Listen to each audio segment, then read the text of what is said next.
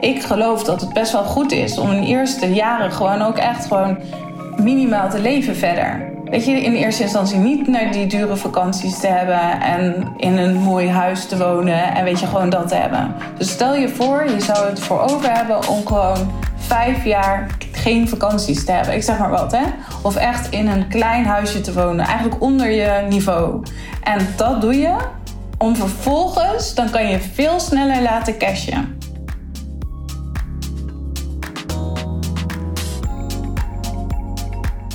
Simone Levy behoeft denk ik voor de meeste van jullie, voor jou dus, geen uitleg meer. Ze is een van de bekendste online ondernemers van Nederland, een van de bekendste business coaches van Nederland, vrouwelijk miljonair en gewoon uh, een heel inspirerend mens ook, niet te vergeten. Ik uh, heb Simone jaren geleden al voor het eerst ontmoet. We kennen elkaar vooral uh, uit het online wereldje, tussen aanhalingstekens. En ehm, we zijn laatst een keer gaan lunchen en daarna waren er mensen, volgers op Instagram, die tegen me zeiden: Oh, het zou echt tof zijn als jullie samen een podcast op zouden nemen. Ik heb Simone daarop uitgenodigd en gevraagd: Vind je het leuk om het met mij te hebben als business coach onder elkaar over high-end, low-end en hoe wij aankijken tegen een online business bouwen en online verdienmodellen. En uh, in hoeverre dat uit elkaar ligt of misschien wel veel minder dan het aan de buitenkant lijkt. Nou, het is zover. Ik heb Simone laatst gesproken en in deze podcastaflevering hoor je ons in gesprek. Ik wens je heel veel luisterplezier. Hey Simone, superleuk dat je in mijn podcast bent. Ja, ik vind het ook heel leuk dat je me hebt uitgenodigd ik weet dat, uh, dat mijn klanten die zitten echt met een vergrootglas naar deze aflevering te kijken. Iedereen heeft zoiets van de battle of the business coaches. Ja, grappig hè, hoe dat, uh, hoe dat online uh, naar gekeken wordt. Ja. ja, we hadden het er net over. We gaan deze aflevering gewoon insteken, denk ik, als een gesprek van business coach tot business coach. Ja. Ik denk dat veel mensen benieuwd zijn naar ja, waarom jij kiest voor jouw businessmodellen. En hoe jij dan kijkt naar iemand die, hè, die het model heeft dat ik heb. Ik denk dat het leuk is om daarover te sparren. En ook uh, iemand op Instagram vroeg aan mij, die was benieuwd welke veranderingen of trends voorspel jij in online coachingland. Ik denk dat dat ook uh, tof is om het over te hebben, want ja. we zitten daar middenin allebei natuurlijk. Ja.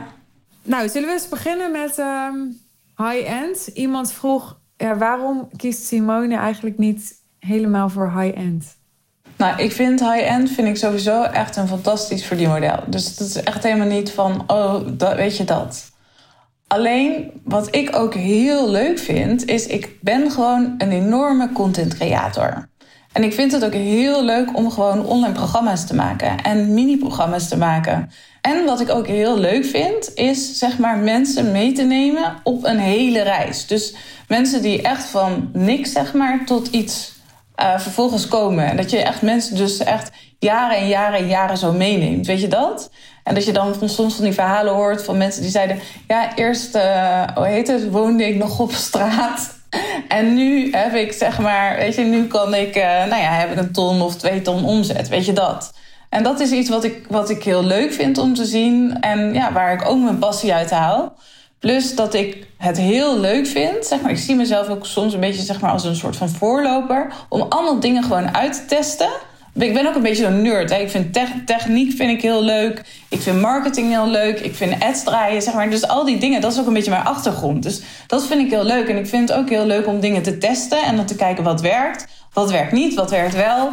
En uh, ja, daarom kies ik niet alleen maar voor high-end. Maar heb ik wel echt sinds kort wel ontdekt dus het was misschien ook wel een beetje een blinde vlek daarnaast ook wel een beetje van mij. Van mensen willen nu mij steeds meer alleen maar high-end. Ja. Dus dat, dat, bijvoorbeeld wat het event dat ik laatst had gedaan. En dan had ik echt ook bijvoorbeeld spijt ervan. Dat ik aan het einde had ik namelijk ook een meer low-end programma. Dus er zaten nou ja, 500 mensen in de zaal. En ik had aan het einde had ik ook een low-end programma voor 500 euro. Waarvan ik dacht, dit is echt een no-brainer. Als, als mensen dit niet doen, ben je eigenlijk wel een beetje gek. Want hierin ga je zoveel leren, weet je dat. En dat is wel natuurlijk helemaal online programma dat. Maar eigenlijk kosten maar 26 mensen dat. Waarvan ik dan weer dacht van, weet je, ik heb al zoveel op de kast liggen, moet ik dit ook nog weer eens gaan maken? Weet je dat? Terwijl er veel meer mensen waren die juist echt mijn high-end programma's juist wilden. Ja, mooi. En is dat dan niet ook heel hard werken? Al die programma's maken, al die content maken. Werk jij niet heel hard? Nee, zeg maar dus met al die programma's maken, dat is bijvoorbeeld echt. Ja, dat, dat weet je, omdat, omdat dat zo in mijn systeem en dingen zit. Dus ja, ik ga gewoon zitten. Ik neem het op en het staat. Ik doe ook altijd alles zeg maar met one-takers, weet je dat? Dus het is voor mij niet. Het zit zo in mijn systeem. Programma's maken, kennis delen, die stapjes van tevoren bedenken, zeg maar dat. Dus dat kost mij niet veel werk. Ik heb gewoon een videoman die doet het, die edit het. En hij heeft vervolgens iemand die de werkboeken voor me maakt en uitschrijft. Dus ik hoef alleen maar voor die camera te zitten en mijn ding te doen. Ja. Ja, hoe ik er naar kijk is dat ik denk als je eenmaal op het punt bent dat je inderdaad een zaal met 500 man hebt en dat je hè, het, het uh, bereik op Instagram hebt of op socials in general, uh, dat je de naamsbekendheid hebt, dan worden, dat vind ik ook oprecht, low-end modellen ook wel aantrekkelijker. Maar ja, zoals ik het mijn klanten leer, zoals mijn visie is, eigenlijk ja. pas als je die high-end klant hebt gemasterd. Hè? Als je die high-end klant hebt binnen kunnen halen. Want dan is het relatief makkelijk om dan aan, aan al die mensen die net niet zo high-end klant gaan worden, om daar dan iets goedkopers aan, aan te bieden. Maar andersom, hè, van, van goedkoop naar, naar meer high-end, dat is wat ik heel veel mensen heb zien doen, dat is echt een hele moeilijke weg. En dan zeggen mensen elke keer tegen mij: Ja, maar mijn klanten betalen dat niet.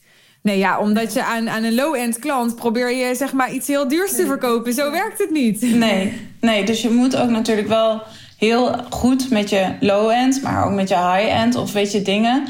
Moet je mensen dus, of je moet heel goed de customer journey, zeg maar, heel goed kennen en die uit kunnen werken. Of maar bijvoorbeeld um, mensen die bijvoorbeeld mijn Empel-programma doen, die hebben zeg maar al helemaal het verlangen van, oh ja, maar ooit wil ik in haar golden circle of ooit. Dus weet je, je hebt zo'n journey heb je geschreven dat mensen gewoon een verlangen krijgen van, oh, maar ooit wil ik daarin. Weet je, dus je creëert zeg maar met je vervolg creëer je een droom. Waar mensen dan vervolgens dan weer zeg maar de beste in kunnen. Wat bij mij natuurlijk wel is, is bijvoorbeeld mijn hele Empel-programma. Dat is echt enorm schaalbaar. Dat is iets waar ik zelf nul, ja, eigenlijk nog maar. Het enige wat ik daarvoor doe is één keer per maand een Zoom. En ook zeg maar de hele sales die daarvan loopt, ik hoef daar zelf niks mee te doen. En dat vind ik zeg maar heel leuk. Om dat zeg maar dat spel te spelen en te snappen, want dat geeft mij heel veel vrijheid. Maar bijvoorbeeld wat ik ook heel leuk vind, is juist bijvoorbeeld met mijn met zo'n mini-programma. Nu heb ik zoveel mini-programma's gemaakt. Dat ik dan bijvoorbeeld dan denk: Oh, het is moederdag. Oh, laat ik gewoon eens testen. Ik, ga, ik heb gewoon zin om nu een mailing eruit te doen en gewoon weer een programma te verkopen. Even moederdagactie bedenken. Nou, en dat je dan uit zo'n mini-programma, waar je dat, dat is er al, dat staat er al. Je hebt het al een keer gecreëerd. En dat je dan in één keer op 15.000 omzet creëert, waar je dus echt helemaal niks meer aan hoeft te doen. Dus dat vind ik zeg maar ook een heel leuk spel ernaast. Maar je hebt natuurlijk de mailinglijst bijvoorbeeld opgebouwd. Ja. Je hebt natuurlijk ook, je bent doorlopend mensen aan het, aan het uh, nurturen, zoals ik dat noem. Hè. Je bent ja. uh, zichtbaar. Uh, je bent continu dingen aan het doen, hè. een event aan het organiseren, stories aan het maken. Nu heb je weer je YouTube-serie. Dus dat is wel een voorwaarde, hè? Dus voor mensen ja, die. Het is wel echt ook een voorwaarde. Ik vind het. Ik vind het gewoon heel leuk, ook zeg maar dat spel van online te domineren. Of dat ik bijvoorbeeld denk, haha, niemand pakt nog uh, YouTube-ads bijvoorbeeld. Vooral vrouwelijke ondernemers dan. Niemand doet dat eigenlijk, YouTube-ads, vrouwelijke ondernemers. En nou ja, iedereen zit iedere keer mij weer in beeld irritant zitten te zijn of zo. Weet je, snap je, weet je wat ik bedoel? En dat vind ik gewoon zelf, vind ik, vond ik dat gewoon een heel leuk gegeven en een leuke gedachte. En dan is het voor mij weer leuk dat ik denk, oh, testen, wat werkt wel, wat werkt niet. Maar hierin moet je dus wel echt een, uh, ja, echt een creator zijn, weet je dat? Ja. Nou ben ik ook echt een content creator, dat is echt mijn achtergrond. Ja. Ik zou echt niet anders willen. Ik zou het ook doen als ik er, als ik er niet voor betaald kreeg, weet je wel. Ik heb natuurlijk niet letterlijk betaald voor een Instagram post, maar goed, je snapt wat ik bedoel. Maar toch heb ik een ander model. Hoe kijk jij daar dan naar? Nou ja, ik vind het juist echt super. Kijk, weet je wat mensen ook altijd bij me denken van, oh ja, maar Simone is low-end of zo. En uh, nou, bijvoorbeeld Suus is high-end, weet je dat? En ook van Simone, die coacht de low-end. En uh, Suus, die coacht alleen zeg maar de high-end. Weet je, je wordt toch in een bepaald hokje gestopt. Maar wat ik juist gewoon heel leuk vind aan jou en ook mega inspirerend vind aan jou, is juist dat je heel duidelijk kiest van oké, weet je, dit is mijn model. Hier sta ik voor. Dit master ik helemaal. Hier ben ik de allerbeste in van Nederland. Weet je dat? En dat, dat vind ik juist iets wat veel meer ondernemers mogen gaan doen. Dus welk verdienmodel je ook hebt of wat je ook kiest, maar daar dan echt ook volwaardig voor gaan staan, dat je die keuze dan ook maakt. En dat is iets weet je, wat jij gewoon super leuk en inspirerend doet. Of leuk, meer dan leuk, gewoon mega professioneel. En hoe kijk je dan naar jezelf? Dankjewel trouwens voor al die lieve complimenten. Ik vergeet bijna te zeggen. Want zelf heb je eigenlijk dus meerdere modellen. Zeg jij dan, ja, maar dat is omdat ik daar voorbij ben, voorbij die fase. Hè? Dus ik ben ook begonnen met één model. Met, uh, ja, dus ik ben begonnen, dus mijn model was M-pop, zeg maar. Dus dat was mijn model. Nou, dat was eerst 1000 en dan ging al heel snel, zeg maar, naar 3000. Nou, dan ben ik dan zo helemaal zo gaan masteren van... oké, hoe kan ik dat zo schaalbaar mogelijk maken? Zodat ik echt helemaal, zeg maar, die vrijheid in mijn business kan creëren. Dus dat was, zeg maar, mijn focusding. Nou, toen ben ik dat verder gaan uitbouwen en gaan uit creëren, weet je dat? Maar wat was je vraag daarover van hoe, ik, hoe denk ik over mezelf? Nou, omdat je zei van, ik denk dat het heel goed is dat, dat je kiest en ja, dat je daar dus dat je ergens voor staat. Ja, en, en zelf ik denk meerdere businessmodellen natuurlijk. Ja, dus kijk, jij staat er echt weer voor van, dat is wel een goeie, van jij staat ervoor van, ik ben die high-end ondernemer en ik ga je high-end leren uh, ondernemen, zeg maar dat. Of ik ben die high-end coach en ik ga je leren, zeg maar, ook high-end jou die, en dat hoeft niet per se voor coaching te zijn, weet je, dat kan jij in alle dienstbranches toch, kan je dat doen. Ja. Ja, en, en ik heb weer zoiets van, mijn boodschap is van, ik ben die business coach die het juist leuk vindt, zeg maar, om alles, alle online ondernemers naar een volgend niveau te brengen. En dat ik niet kijk naar welk businessmodel. Dus ik kijk gewoon dan naar de persoon en niet naar het businessmodel. Snap je, weet je wat ik bedoel? Ja, en ik denk gelijk, ja, maar dat, dat willen mijn eh, klanten ook allemaal. Die willen allemaal geen niche kiezen en zo. Dat vinden ze allemaal vreselijk. En toch is dat natuurlijk het advies wat je altijd krijgt. Heb jij dat ja, van overstegen dan nu? Ja, nou ja, kijk, mijn niche was in eerste instantie natuurlijk gewoon mensen leren. Kijk, je moet altijd eerst een niche kiezen en een keuze maken en ergens voor gaan staan. En mijn niche was natuurlijk in eerste instantie heel duidelijk.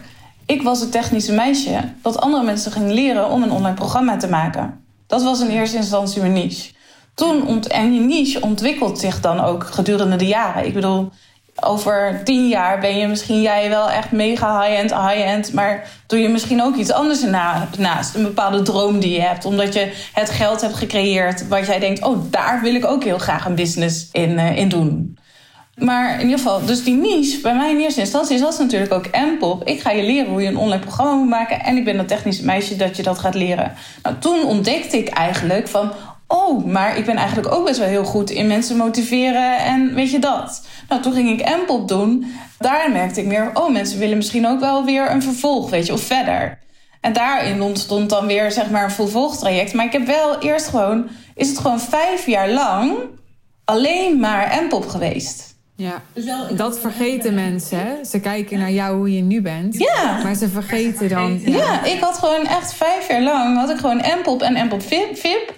En ik had dan, dan challenges. Maar die challenges die gingen altijd naar M-pop. Nergens anders naartoe. Ik had events, maar die gingen altijd naar M-pop. Dat was gewoon mijn core ding. En ik ben wel bezig geweest altijd, maar dat raad ik mensen ook aan. Dus M-pop te ontwikkelen. Dus bijvoorbeeld, weet je, de ene keer dan organiseerde ik er ook live events bij. We hebben een keer gehad dat andere business coaches erin zaten. Nou weet je, dus gedurende de jaren, weet je, tweak je programma totdat je dat helemaal hebt gemasterd. En toen ben ik gegaan gaan van oké, nu is dat Empel, maar hè, hoe kan ik mijn business, want iedere keer weer, nou ja, lanceermodel, weet je, word je ook moe van, dat, dat model.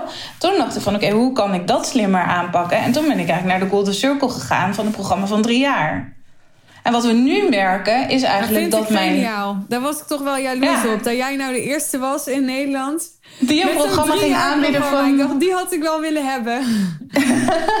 ja, en ik was niet de eerste hoor. Ik moet Ilko de Boers credits geven. Oh ja, ja. Ja, dus Ilko was de eerste. Maar ik zag wat hij deed en ik dacht: dit is geniaal. Inderdaad, ik ga iets ontwikkelen. Wat, wat ik ook drie jaar kan aanbieden. Want hij gaf mij het inzicht dat mensen daarvoor gingen inschrijven voor drie jaar. Toen zag ik dat, toen dacht ik: oké, dit, dit ga ik doen. En dat heeft me, weet je, toen dacht ik, want dan bouw ik een basis. En waar ik heel erg in geloof, is ook wel de kracht van stapelen. En met de kracht van stapelen, daarmee bedoel ik bijvoorbeeld, nu hebben mensen zich ingeschreven na een event, 15 mensen na een event bijvoorbeeld voor de Golden Circle. Nou, dan kan je denken, oké, het eerste jaar is die omzet dan 7500 keer 15, nou reken uit. Maar het volgende jaar komt, dat om, komt diezelfde omzet er weer. Dus als je dat meerdere jaren achter elkaar doet, dan gaat omzicht stapelen. En dat vind ik gewoon hele fascinerende verdienmodellen ook weer. Om weer te kijken van oké, hoe kan je voor jezelf nog meer vrijheid creëren, maar hoe kan je aan je klanten natuurlijk ook zoveel mogelijk waarde geven. En wie weet komt er ook wel dus een Golden Circle, is dat nu 7500 per jaar nou ja, alle high-end business coaches die zouden denken, veel te goedkoop. Nou, wie weet in de toekomst wordt dat wel 40.000 euro per jaar. Ja, iemand vroeg op Instagram, even kijken hoor, wat was het nou van, waarom draai je niet uh, eh, 5 miljoen met, um, wat was het, 50 klanten van 100.000 euro? Zeg, doe ik dan de rekensom goed? Ja, ik denk het wel. Het is wel een interessante vraag, want dat zou je ook kunnen doen en dan gewoon daarnaast een beetje gratis content maken omdat je het leuk vindt? Ja, is wel een hele leuke vraag. Alleen dan, dan denk ik nog van oké, maar dan heb ik nog wel meer te masteren en te ontwikkelen in mezelf. En dat kan ook niet alleen aan skills zijn, maar misschien ook aan mijn eigen waarde of weet je gewoon dat. Om dan ook echt 100.000 euro te vragen en daarnaast dan ook 50 klanten te kunnen handelen. Snap je? Dus ik weet heus wel dat ik 100.000 euro kan vragen en dat ik daar 10 klanten of zo, weet je. Ik weet, ik is ook een miljoen, weet je dat? Maar 50 voor 100.000. Dan denk ik van ja, maar ik vind dan ook wel dat ik daar dan echt ook bepaalde waarden aan tegenover moet, voor tegenover moet stellen. Waardoor mensen de investering die ze doen ook wel echt keer 10 kunnen maken. Ja, zeker. Ja. Dus dat is, wie weet dat dat in de toekomst ook een verdienmodel is. Maar daarin vind ik voor mezelf ook wel, ja, daar heb ik dan ook wel weer wat in te ontwikkelen bij mezelf. Maar ik vind het wel leuk dat je er heel erg voor open staat. Dus niet dat je denkt van, nou nee, hè, dat, dat, dat, dat kan toch niet of zo. Nee. Hè? En dat had ik ook niet verwacht hoor, maar dat je daar heel fixed in zou zitten. Nee, ik ben ook echt helemaal niet wat mensen misschien wel denken of zo dat mensen denken, ja, Simone is echt anti-high-end. Nee, ik ben helemaal niet anti-high-end. Het enige is wat ik gewoon wel een beetje zoiets heb van, weet je, mensen die dan weer van andere mensen leren om high-end te gaan. En die leren zeg maar ook weer om high-end te gaan. Maar dat, dat je dan denkt van, oké, maar in hoeverre is die inhoud er echt, weet je, bij diegene? Dat is soms wel, weet je, waar ik een beetje kritisch naar kijk. Maar bij jou weet ik wel van, jij bent reten, inhoudelijk, heb, weet, heb echt veel te zeggen. Gaat voor kwaliteit, dat is echt jouw norm nummer één. Dus ja, dan vind ik het super interessant. Ja, maar nou, wat, is jouw, wat is jouw idee daarover? Over, dat, dat is natuurlijk ook wat er over high-end gezegd kan worden. Of de grootste negatieve of grootste bezwaar voor high-end. Maar hoe kijk jij daar eigenlijk tegenaan? Die piramide. Ja, ja, eigenlijk ja, die piramide waar dan over gesproken wordt. Ja, ja dat wilde ik net aan jou vragen. Van, dan zitten we eigenlijk bij dat piramidegesprek. Ik heb nooit zo'n zo'n boodschap aan die discussie, omdat ik veel meer denk: zolang elke coach voldoende van waarde is voor zijn of haar klant, is het goed, denk ik. Ja. Op welk niveau dan ook. Of dat je nou 10.000 euro vraagt of 100.000 euro. En of dat je nou zeg maar vijf coaches boven je hebt zitten, hè, tussen aanhalingstekens. Of, of dat je inderdaad de, de, de marktleider in Nederland bent. Ja, dan denk ik, wat maakt het uit? Zolang de mensen die, die daarvan leren, krijgen wat ze nodig hebben en goed geholpen zijn, daar, daar gaat het om, wat mij betreft. En ja, ik denk ook wel dat in general, als het heel makkelijk wordt om geld te verdienen als business coach, is wel interessant om het hierover te hebben Ja. Dan ontstaat er inderdaad een, een markt die op een gegeven moment, uh, ja, hoe zeg je dat? Gaat klappen, zeg maar. Dat heb ik dus gezien als fashionblogger. Ja. Ik was een van de eerste fashionbloggers ooit van Nederland, zeg maar, die dat ook fulltime deed. En ik heb echt in nou, drie, vier, vijf jaar op een gegeven moment dacht ik, nou weet je, elk, elk buurmeisje van, van 16, 15 begint nu een fashionblog. Want ze denken allemaal, oh, dan krijg ik gratis spullen. En dat kan ik leuk doen als hobby na schooltijd, weet je wel. Dus het werd steeds moeilijker om daar geld mee te verdienen.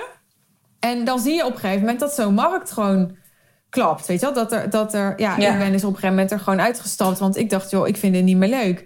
Maar ja, dat, dat, dat is dan ook hoe de markt werkt. En wat ook Ja, maar aan de andere zijn. kant geloof ik juist ook wel met business coaching. Weet je, van de kwaliteit filtert zich ook wel uit dan. Weet je dat? Want dan denk ik, ja, ik had nooit hier kunnen staan... als ik gewoon een slechte business coach natuurlijk zou zijn. Want dan, hè, dan krijg je echt op een gegeven moment niet je event meer vol. Want mensen gaan gewoon natuurlijk dan ook zeggen... nou, bij haar moet je niet zijn, want daar heb ik alleen maar zulke resultaten uit. Tuurlijk zijn er altijd ook mensen en klanten die negatief... dat heeft iedereen. Maar wij zeggen altijd van oké, we zeg maar gewoon op de 5% negatieve klanten zitten... dan zitten we gewoon helemaal goed. Weet je dat? Net zoals een Coolblue of weet ik veel wat. Weet je, zo'n percentage. Maar als je daar ver boven zit, weet je dat... dan veelt het zich wel uit. Dan ga je niet de grote successen halen.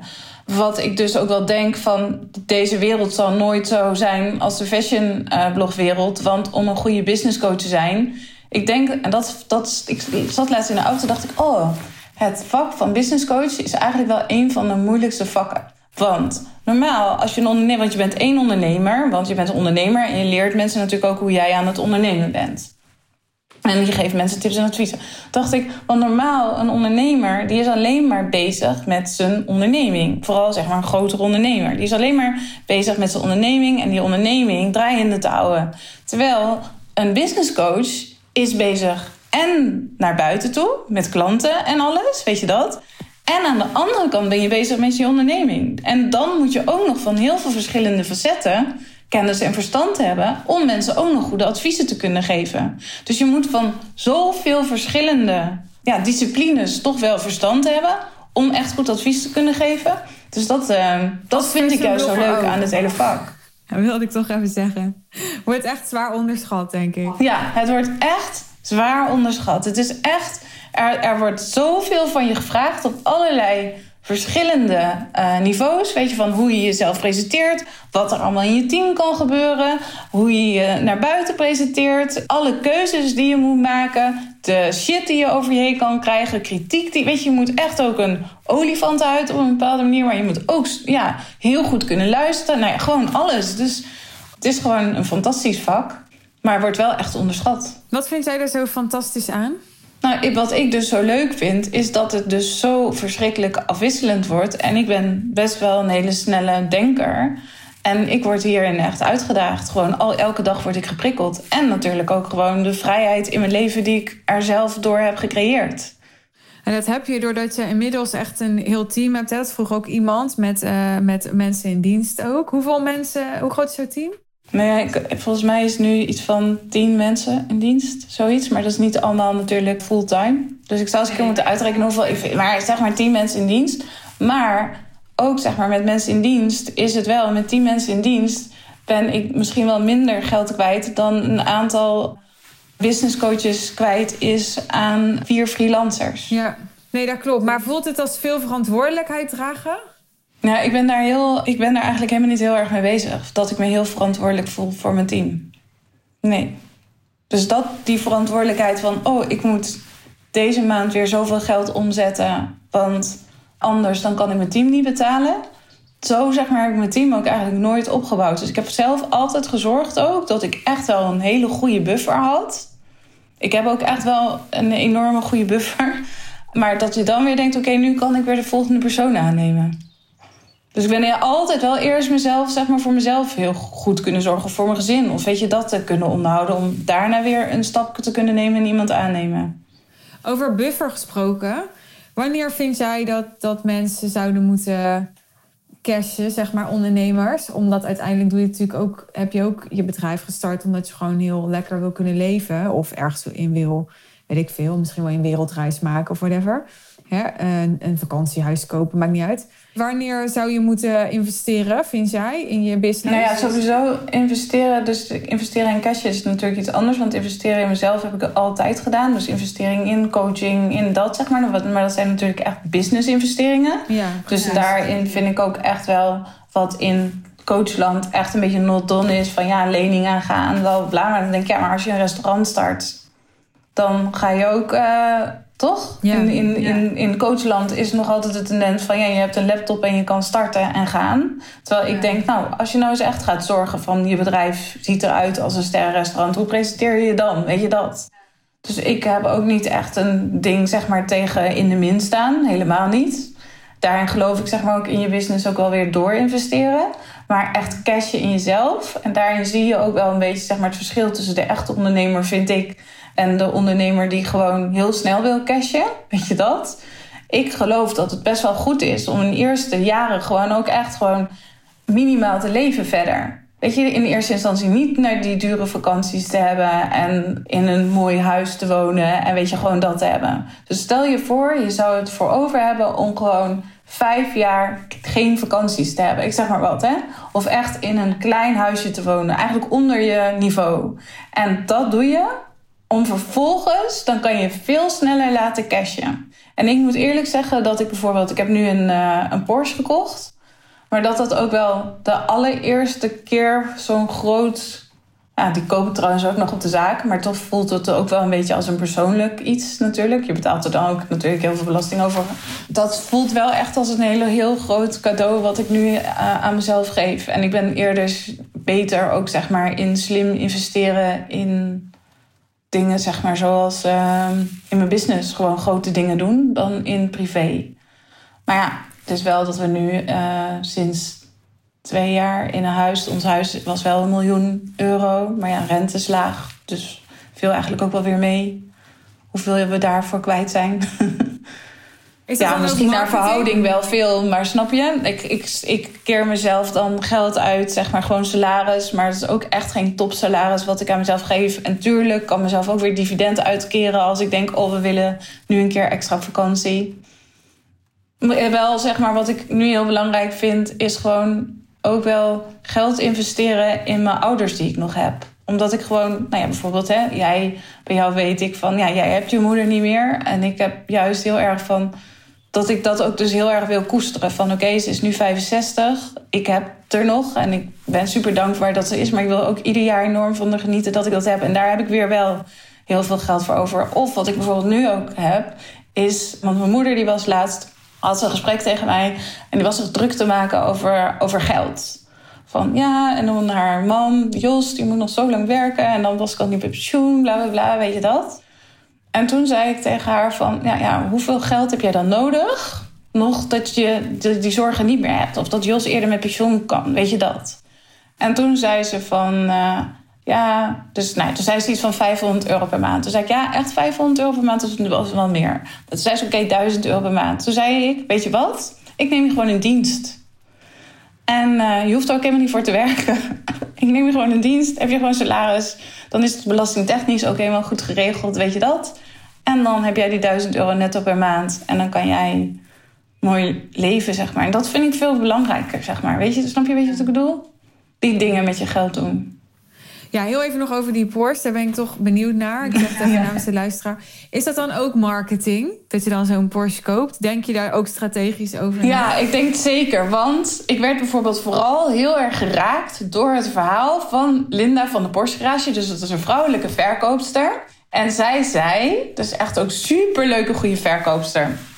Maar zij zei dat zij nog maar één keer een Porsche had verkocht aan een vrouw. En dat ze wel vaker een Porsche had verkocht aan een vrouw, maar dat het dan altijd een man was die voor zijn vrouw een Porsche kocht. En alleen al door dat verhaal van, hé, hey, ik kan dus een Porsche kopen en ik koop hem echt voor mezelf. En het is ook geen Weet je wat Porsche natuurlijk ook nu doet, zeg maar met die vier vrouwen of drie vrouwen, weet je, echt die fantastische reclamecampagne die ze hebben. Ja. Maar dat zijn allemaal vrouwen die niet diezelfde die Porsche hebben gekocht. Nee. Dat, die zijn gewoon gesponsord, die worden gesponsord door Porsche. Ja. En ik vind, dat vind ik wel echt ook wel heel tof om daar ook wel een bepaalde statement in te maken.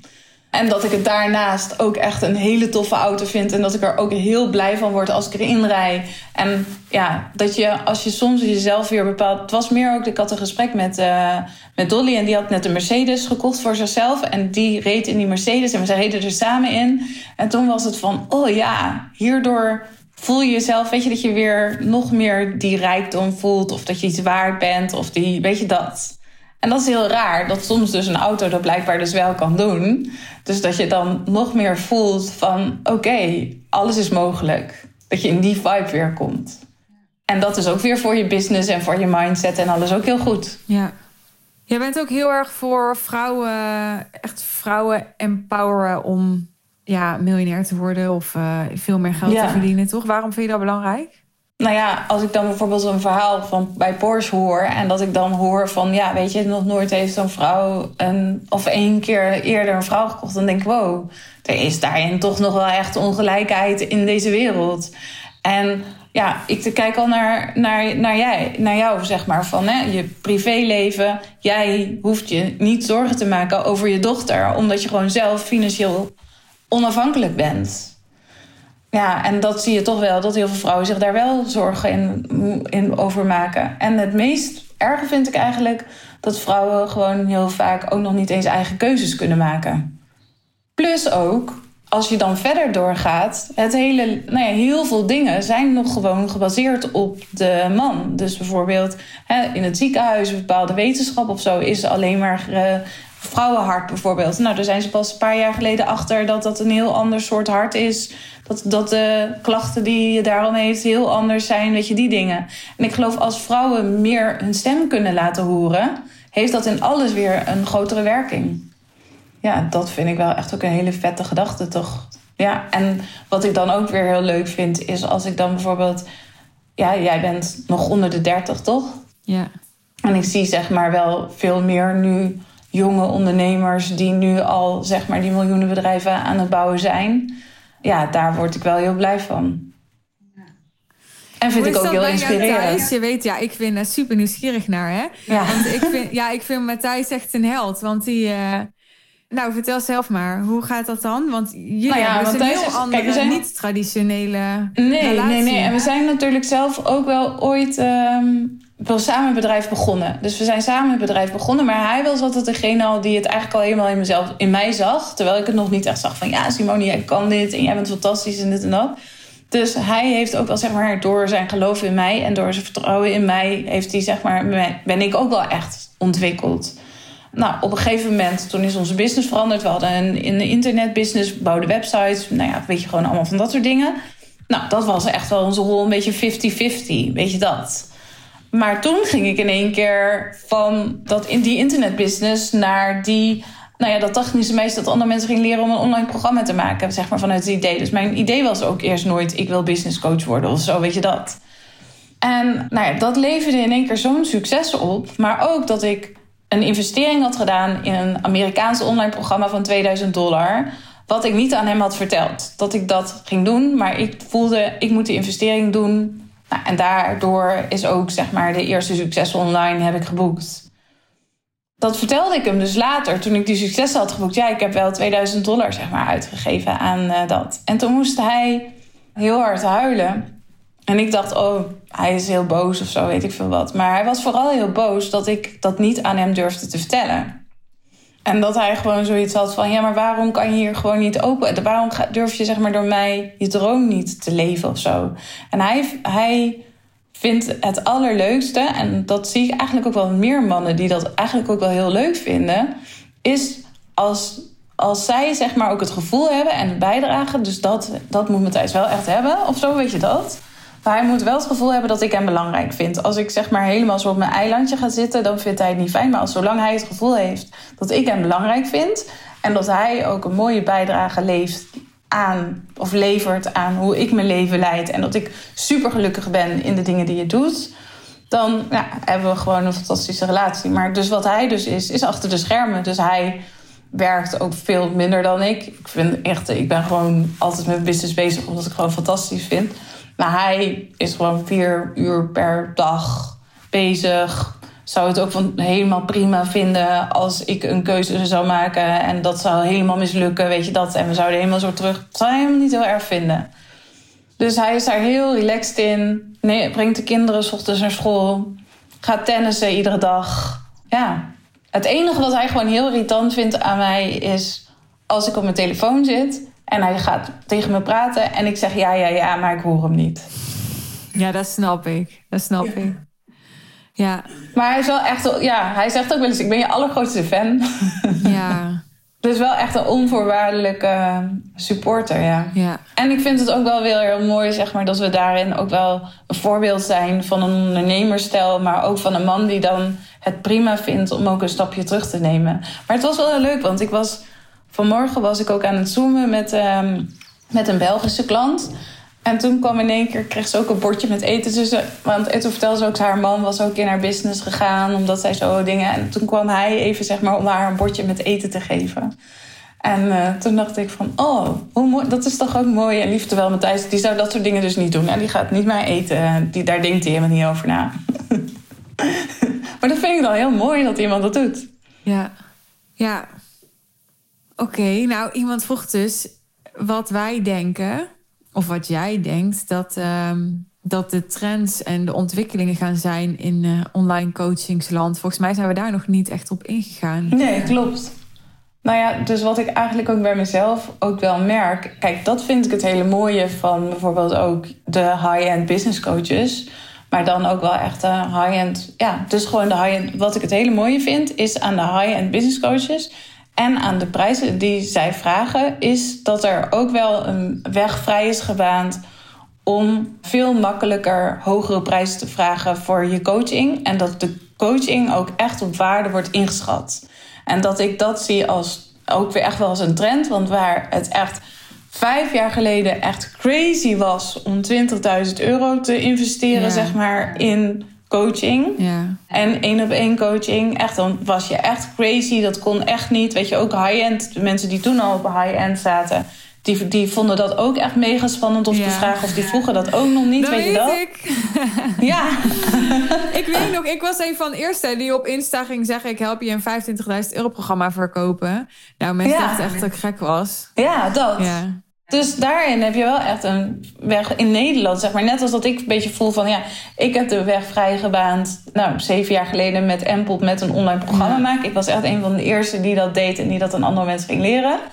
En sowieso de hele online ondernemer. Maar zie ik dat jij ook wel echt een weg hebt vrijgebaand in hoge prijzen vragen in Nederland. Weet je, wat in Amerika al doodnormaal was. Als je dan 100.000 euro, zeg maar, of dollar dan in coaching investeerde. Ja. Dus de prijsverschillen in coaching zullen ook nog, weet je, die zullen nog groter worden. Dus, dus snap je, er zullen dus ja, ook nog natuurlijk nog veel meer mensen gaan die op die onderlaag zitten. Maar er zullen ook nog veel meer mensen gaan, ook die op die bovenlaag gaan zitten. Ja, en die bovenlaag groeit ook. Weer. Hè? Ik zei, ik vind mezelf nu echt weer te goedkoop. Ja.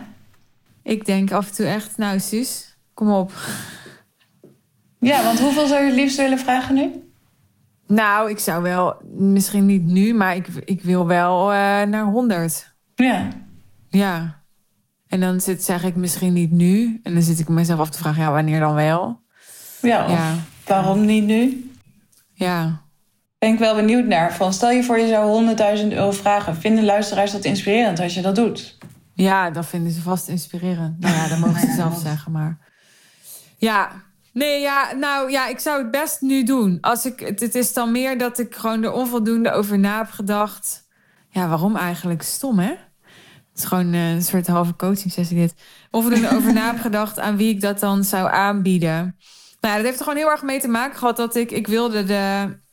Hè, dat, dat weet je ook, heb ik ook met jou gedeeld. Vorig jaar stond echt in een teken van de real deal laten groeien. Nou, dat is gebeurd. Dit jaar staat echt in een teken van bestendigen en de kwaliteit verbeteren. En ik heb nog zoveel dingen die ik wil optimaliseren, omdat ik het heel belangrijk vind, hè, to back it up. En dan heb ik zo het idee van, nou, dan ga ik zo tegen het einde van het jaar een aantal, ja, eh, ik zeg een aantal, maar dan heb ik het echt over een paar diamond klanten hebben die ik echt weer één op één ga begeleiden. Maar daar ben ik dan echt wel heel, uh, ja, heel zuinig op ook op die plekken. Want dan wil ik alleen doen met mensen die, uh, ja, als je op een gegeven moment gewoon een goed lopend bedrijf hebt en heel veel mensen, dat bedoel ik niet arrogant of zo, maar die iets van je willen, hè, je team, mensen die je willen interviewen, mensen die, die in je DM zitten, mensen die dan ben je gewoon weg wel spaarzaam ook met je energie en wie je, wie je toelaat. Ja. Dat is wel echt belangrijk. Dus, uh, ja, dus, dus, dus dat merk je dus al zo snel. Dat je tijd dus heel snel heel schaars is. Ja, want, want ja, daar zat ik dat gewoon ook alweer over na. Weet je, van, ik, ik merk het nu ook. Van oké, ja, ik heb dan dat 40k traject. Ik merk gewoon al van ja, zoals ik het nu doe, dan kan ik ook niet meer meer klanten, zeg maar. Dus nou, dan ontwikkel ik mij dus denk ja, nee, dat moet ook echt gewoon omhoog. Die prijs moet dan ook omhoog. Ja, want waarom vraag je geen 100? Ja, dus dat is dan ook een mooie vraag van dat je dan. Kijk, dat, dat is volgens mij ook wel een, iets wat ik al een keertje tegen jou gezegd heb. Van ja, ik vind het altijd belangrijk dat ik eerst het bewijs vind dat de, men, dat de mensen die nu in het programma zitten, of dat ik dat zelf ook voel, dat ze die investering eruit halen. Weet je dat? Nou, nu heb ik dan een aantal mensen die zitten nu zijn een half jaar verder. Nou, kreeg ik bijvoorbeeld een berichtje van een klant en die appt me dan van, nou, ten opzichte van uh, vorig jaar heb ik al 100k extra omzet gedraaid. Weet je dat? Ja, nou, dat, heb ik, hoor ik dan ook met een aantal van, weet je, die heeft dan een lancering gedaan die dan 200.000 is, weet je dat? En toen was ook wel een inzicht van, toen ging die klant, die ging ook nog iets bij iemand anders investeren voor 50k, weet je dat? Oh ja. Toen dacht je, hey, Weet je, dat zijn toch altijd van die inzichten die je dan kan hebben. Ja, van, oh, die heeft mij. En die heeft dan ook nog... nou...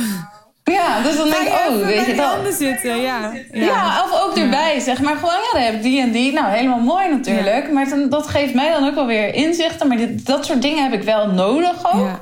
Om weer in mijn prijs te kunnen verhogen. Want nu denk ik, oké, ik heb die credibility. Ik voel hem zelf weer. Dus nu is het weer een stap om omhoog te gaan. Ja, ik heb dit ook over, over hè, dat ze dan ook ergens anders in investeren. Heb ik zo vaak meegemaakt. Dat mensen dan, uh, ja, weet ik veel, dan gingen ze bij mij 25.000 euro investeren. Ja. En dan was het, oh ja, dat was toch wel heel veel geld, heel veel geld. En dan moet ja, en ook super spannend, ja, maar ik ga het doen. later, ja, ik heb toch ook nog een branding traject van 10k gekocht. Dan denk ik, ja.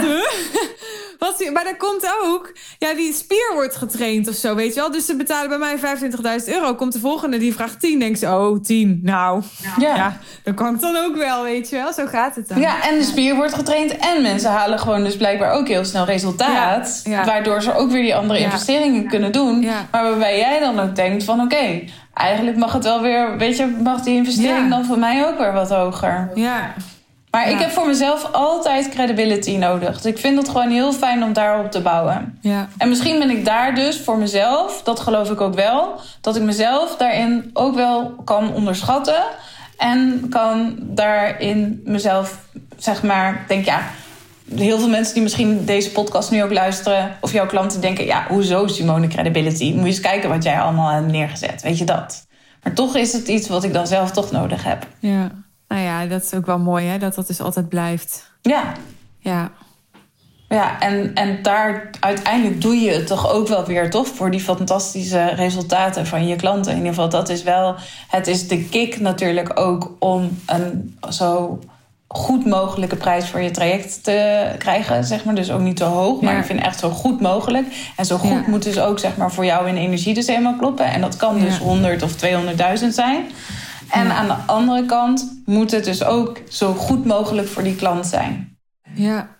En dat hoeft niet, echt niet in tijd en zo te zitten. Hè? Dus zo goed mogelijk wil niet zeggen dat je altijd maar voor diegene beschikbaar bent. Helemaal niet. En wat dan wel? Waar zit het hem dan wel in? Wat maakt in jouw ogen een goede business coach een goede business coach? Ja, dat ligt er natuurlijk ook heel erg aan wat je klant wat de behoefte van je klant is en wat jouw klant nodig heeft en waar je klant voor naar jou toe komt. En als je dat, als die klant daar, als je dat wat je verkoopt ook levert. En vervolgens haalt die klant daar dus ook de resultaten uit, dan is dat, dan ben je goed bezig. Ja. Maar dit kan natuurlijk, hè, hadden wij het laatst over, met high-end is dit, is dit, ik vind dat soms een spanningsveld.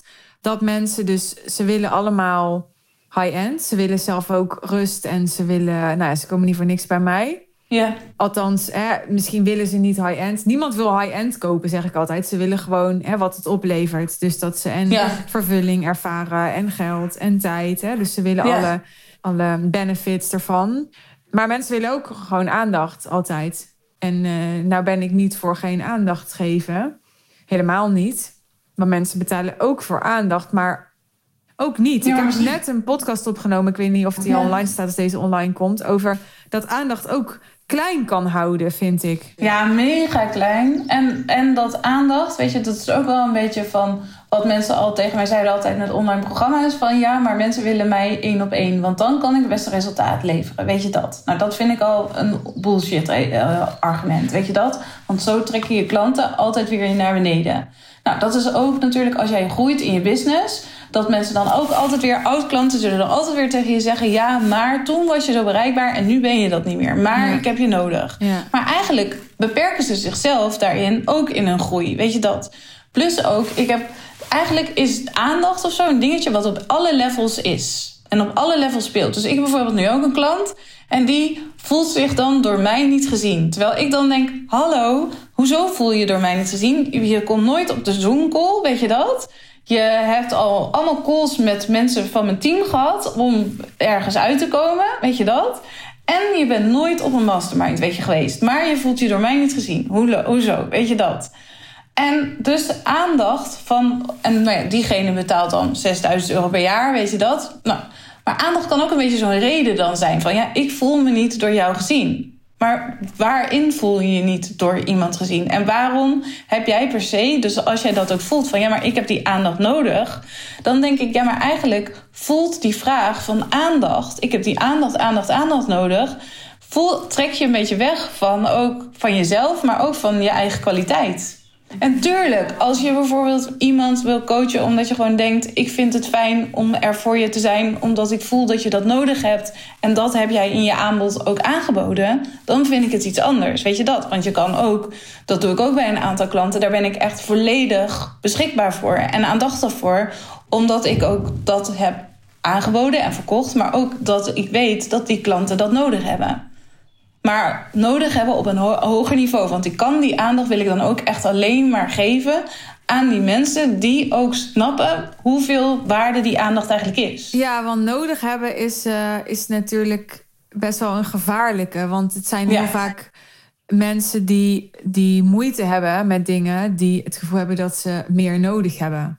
Ja, dus daar moet je dus heel waardevol voor zijn. Van geef je de aandacht dan echt aan de mensen die zelf al op zo'n level zijn. Dus ik wil dat ook echt alleen maar aan bepaalde mensen geven die op zo'n level zijn, die zich bijvoorbeeld dan ja, in dat level gewoon even gesteund moeten voelen. Ja. Omdat ik ook op dat level zit. Snap je dat? Dus dan ben je, hoef je niet eens een coach te zijn, dan kan je gewoon even de steun voor iemand zijn. Maar dat is dan een bewuste keuze die ik dan maak als coach. Maar dat wil niet zeggen dat, weet je, dus dat dat hetgene is wat, waardoor diegene enorm gaat groeien. Ja. Ja, eigenlijk ben je dan ook gewoon even van mens tot mens of zo. Ja, dat is het. Ja. Maar ik geloof niet dat aandacht nou hetgene is, weet je, waarin je met je high-end, maar ook met, weet je, dat dat nou hetgene is waardoor mensen, waardoor je de resultaten met je klanten gaat creëren. Het hoeft maar net die ene vraag te zijn die je stelt en die je prikkelt. En dat denkt van, hé, hey, oh ja, thanks, ik kan weer verder. Ik heb bijvoorbeeld ook één klant nou, die, uh, die spreekt gewoon af en toe wat in. Nou, die heeft ook echt een miljoenenbusiness. Nou, en dan kan ze daar kan ze gewoon weer verder op. Ja, dankjewel. Nou, dan hoor ik gewoon een maand weer niks. Ja, ja oké, maar dat, dat zijn ook de... Ik denk dat als mensen nu luisteren en die draaien nog geen miljoen... maar die draaien bijvoorbeeld een ton... die denken dan, ja, maar ja, ik heb nog geen miljoen. Ik heb wel even nog wat meer nodig. Dus, dus wat zou je adviseren. maar is dat, dan waar dat je denkt dat je meer nodig hebt of zo, snap je? Ja. Nou, dan wilde ik net vragen van wat zou je adviseren aan mensen die dus ehm, bijvoorbeeld, hè, die, ik verzin het even, je zit nu op een ton en je wil naar een miljoen. Wat zouden die dan moeten doen? Hoe zouden, hoe zouden zij zich dan moeten opstellen in een coachingsprogramma om de waarde eruit te halen? Dus als het niet is aandacht, nou, kijk, eigenlijk, even plat gezegd. Ja, eigenlijk wat je gewoon moet doen in een coachprogramma is, is dat jij als eerste moet je gewoon een mega mindset hebben, een leermindset hebben. Ja, ja, ja. En een leermindset hebben, dat is iets wat mensen heel erg lastig vinden om dat te hebben. Ik heb het ook alweer gezien op het event. Dat, dan zie ik zeg maar een aantal van mijn exclusive klanten vooraan de rij. Die zijn druk aan het schrijven en die hebben allemaal inzichten. En dan zie ik de meest worstelende ondernemers die dan op Insta gaan vertellen van... Oh, ik, eh, het was allemaal, uh, weet je, er was niks nieuws. Weet je, gewoon zo. Dus snap je? Dus je snapt wel wat, ik daarin bedoel. Dus voor jezelf je opstellen als echt de meest leergierige student die echt alles wil zakken, zeg maar. Dat, zo moet je je opstellen. En dat, daarmee kan je al zoveel resultaat voor jezelf creëren. En dan niet de vragen stellen op aandacht. Bijvoorbeeld ook op een event. Ik baalde daar een beetje ook van. van dan konden mensen zo'n vragen aan me stellen, weet je dat? En dan was de vraag van, ja, ik vind het zo lastig om een niche te kiezen. Ik weet niet wie mijn doelgroep is. Weet je dat? Zo'n ja. vraag dat. Maar eigenlijk moet je leren om hele goede vragen te stellen. Dus ik dacht, ik moet mensen daar ook beter even op een event ook op trainen. Van dat iemand bijvoorbeeld zegt, oké, ik heb nu een business. Daar zet ik 100.000 euro mee om. Maar Simone, hoe kan ik daar uh, 500.000 euro van maken? Welk, welke tips en adviezen heb je? En dan kan ik veel meer geven dan iemand die zegt: Ja, ik, op dat kleine detail. Dus probeer ook van die kleine details af te hangen, gaan.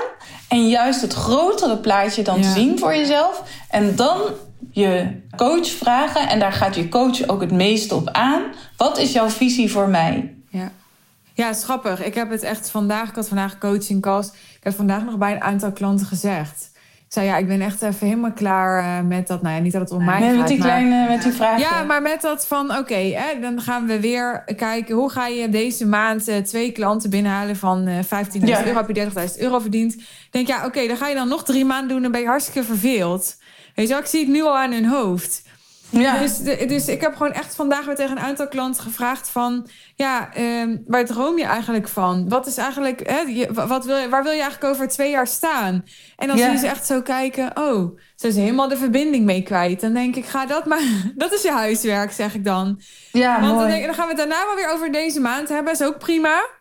Ja. Maar dan denk ik, ja, want anders, wat zijn we anders aan het doen? Dan wordt het een soort bezigheidstherapie. Ja, nou, dan hebben we deze maand wereldsinkomen verdiend. Ja, ja maar dan kan je ook wel, zeg maar, iemand gewoon je moeder vragen... wil je mijn accountability partner zijn, bij wijze van. Ja, snap je een? Nou ja, op een gegeven moment wel. Ik bedoel, ze komen bij mij natuurlijk wel ook om dingen te leren, maar ja, ik merk ook wel, daar moet ik zelf ook scherp op zijn hoor. Dat ik, dat ik ook echt me afvraag, Suus, waar zit jouw toegevoegde waarde echt? Het is zo verleidelijk om mee te gaan in iemands verhaal of in iemands vraag. Dus ik probeer echt mezelf ook altijd te trainen in: oké, ja, wat zegt iemand hier? Wat doet iemand hier? Waar, waar leidt dit toe? Wat hebben we hier aan? En even zeg maar één stap terug en dan pas ja. ja. iemand te geven wat die, ja, waar die echt bij gebaat is. Ja, en ook bijvoorbeeld, weet je, van die kleine hoe-vraagjes van bijvoorbeeld dan bij mij van, uh, ja, hoe uh, richt ik een funnel in? Of weet ik, of uh, hoe schrijf ik dan een mail? Of weet je, gewoon al die dingen. denk, ja, weet je, daar zijn ook wel allemaal veel goedkopere mensen die je daar eventjes voor kan consulten of zo. Weet je dat? Dus je moet ook wel echt jezelf daarin dus ook wel leren van oké. En ook al die dingen, die kan je juist vinden. Daar kan je dus inderdaad, daar kan je gewoon online programma's verkopen. Snap je, voor die kennis. Daarvoor zit je niet in een coach-traject. Nee. In een coach-traject, daarin zit je echt om juist next level te gaan. Ja. Nou, leuk. leuk ja. ja. Wil jij nog iets vragen of iets delen?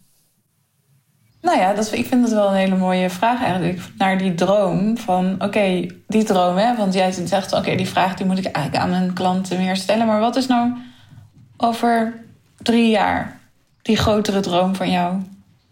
Nou, ik wil nog veel meer marktleider zijn.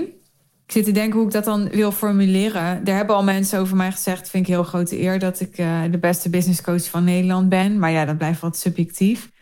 Ja. Maar ik wil wel... Uh, ja, dan moet ik jou eigenlijk nog verslaan, hè? ja, ik wil nog wel mijn soort, uh, ja, echt nummer één van Nederland voelen. En nu voel ik me nog wel een beetje in zo'n poeltje, weet je wel. Met, ja. Uh, ja. Maar ja, ik vind jou wel, als je kijkt naar high-end... Ja, ik voel me wel de queen Voor mij ben jij echt wel Alleen top in high-end. Dat, dat er nu een big leap van mij nodig is. Omdat ik heb ook een beetje inderdaad, denk ik wel mensen geïnspireerd om, uh, om veel meer high-end te gaan. Dus het is veel meer mainstream geworden. Ja. Dus als je dan de queen van high-end bent. Tenminste, ik voel wel dat het echt aan mij is om hier weer een big leap in te nemen. Maar dat vraagt ook, dat leer ik mijn klant ook, echt weer een andere doelgroep. Hè, ik bedoel, dat, dat um, ik ga denk ik niet zo makkelijk die 100k klant uit de Insta-bubbel halen. Daar hadden we het ook in het voorgesprek over. Ik zei, nou, daar ben ik ook wel klaar mee met die Insta-bubbel.